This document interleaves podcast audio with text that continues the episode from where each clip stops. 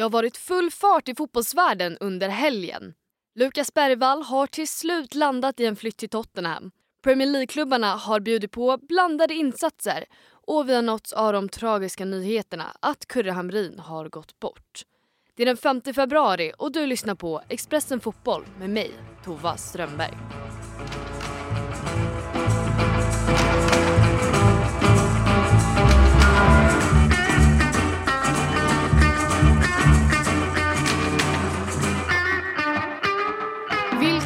Fotbollshelg vi har bakom oss. Ja, jag kan ju börja med att säga att det är faktiskt lite extra speciellt här idag. För från och med nu så kommer vi att ge er lite kortare nyhetspoddar varje morgon. Och sen kommer vi att släppa våra lite mer fördjupande och snackiga poddavsnitt med våra fotbollsprofiler först på eftermiddagarna. Det känns superkul att vara först ut och vi har ju såklart en hel del att plocka ner tillsammans. Helgen har ju bjudit på en hel del både toppar och dalar. Vi kan ju börja med nyheten som egentligen kickade igång hela helgen. Jag pratar ju såklart om Lukas Bergvall.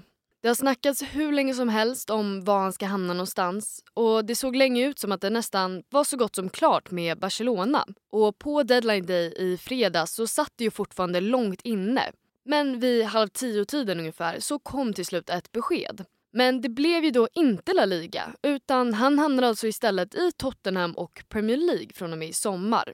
Och enligt uppgifter till Expressen så ska övergången vara värd runt 113 miljoner kronor i ett första skede. Men sen kan klausuler och så göra att summan går upp till så mycket som 220 miljoner.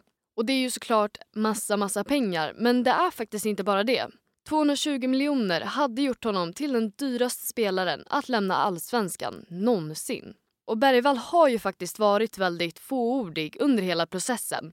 Men så här lät det när han till slut presenterades för klubben. It's always been my dream to, to play in the Premier League, the best league in the world. It's a really good club uh, with a great uh, manager and a really hungry and uh, young team. So it's a pleasure for me to join this big club.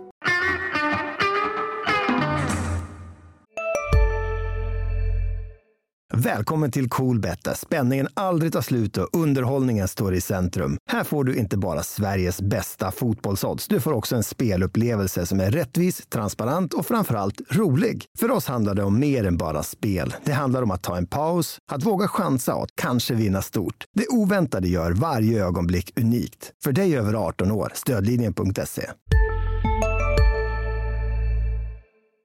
Om vi stannar lite i Premier League men eh, lämnar Bergvall bakom oss för stunden så har det ju hänt en hel del under helgens matcher. Liverpool hade inte förlorat på 127 dagar men under söndagen så blev det faktiskt ändring på det. Arsenal stod för motståndet och var bättre på det mesta i första halvlek. Bukayo Saka gav hemmalaget ledningen men efter ett självmål så var det lika läge i halvtid. Men den stora snackisen blev faktiskt inte självmålet utan istället Liverpools miss med 25 minuter kvar av matchen. Efter ett missförstånd mellan målvakten Allison och Van Dijk låg bollen plötsligt fri hos Martinelli som helt enkelt skickade in den i öppet mål. Och Det här var något som Glenn Strömberg var otroligt kritisk mot i Viaplays sändning. Oh! Martinelli, där de missar totalt! Van Dijk och Alisson brister i både kommunikation och aktion! 1-1 målet var konstigt så var väl det här ett snäpp till. Ja, det var väl ännu mer bjudning i varje fall. Matchen slutade till slut 3-1 till Arsenal som nu bara ligger två poäng bakom serieledande Liverpool.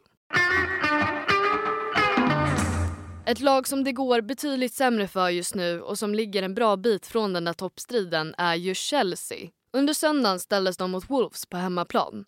Chelsea tog ledningen i matchen men efter 90 spelade minuter stod de trots det som förlorare efter ett hattrick av Matthews Cunha. Ja, det är riktigt tungt just nu för klubben och efter matchen gick till och med huvudtränare Mauricio Pochettino och bad om ursäkt till fansen. what we can say apologize the fans because we can apologize and then to accept because the perception is one thing another is the reality the perception is chelsea should be in a different position but for different circumstances we are not uh, we are not there. One maybe because we are not good enough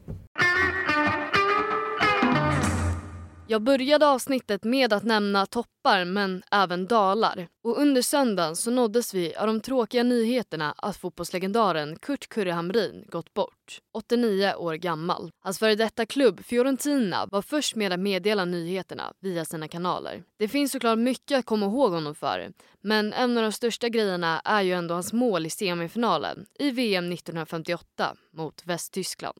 Och Hamrin står och väntar nu på att tyskarna ska anfalla honom. Går med bollen. De kommer så småningom först nu. Och då accelererar Hamrin, håller bollen fortfarande och tränger chefen på. Hamrin håller bollen i alla fall, lekandes förbi två man. Vi kan se till att han studerar i mål! Ja!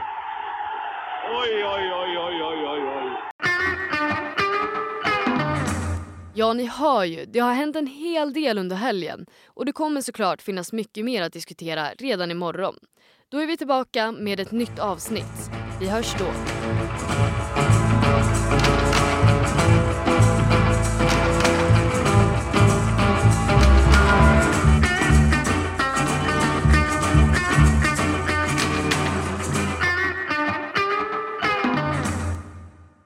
Du har lyssnat på en podcast från Expressen. Ansvarig utgivare Klas Granström.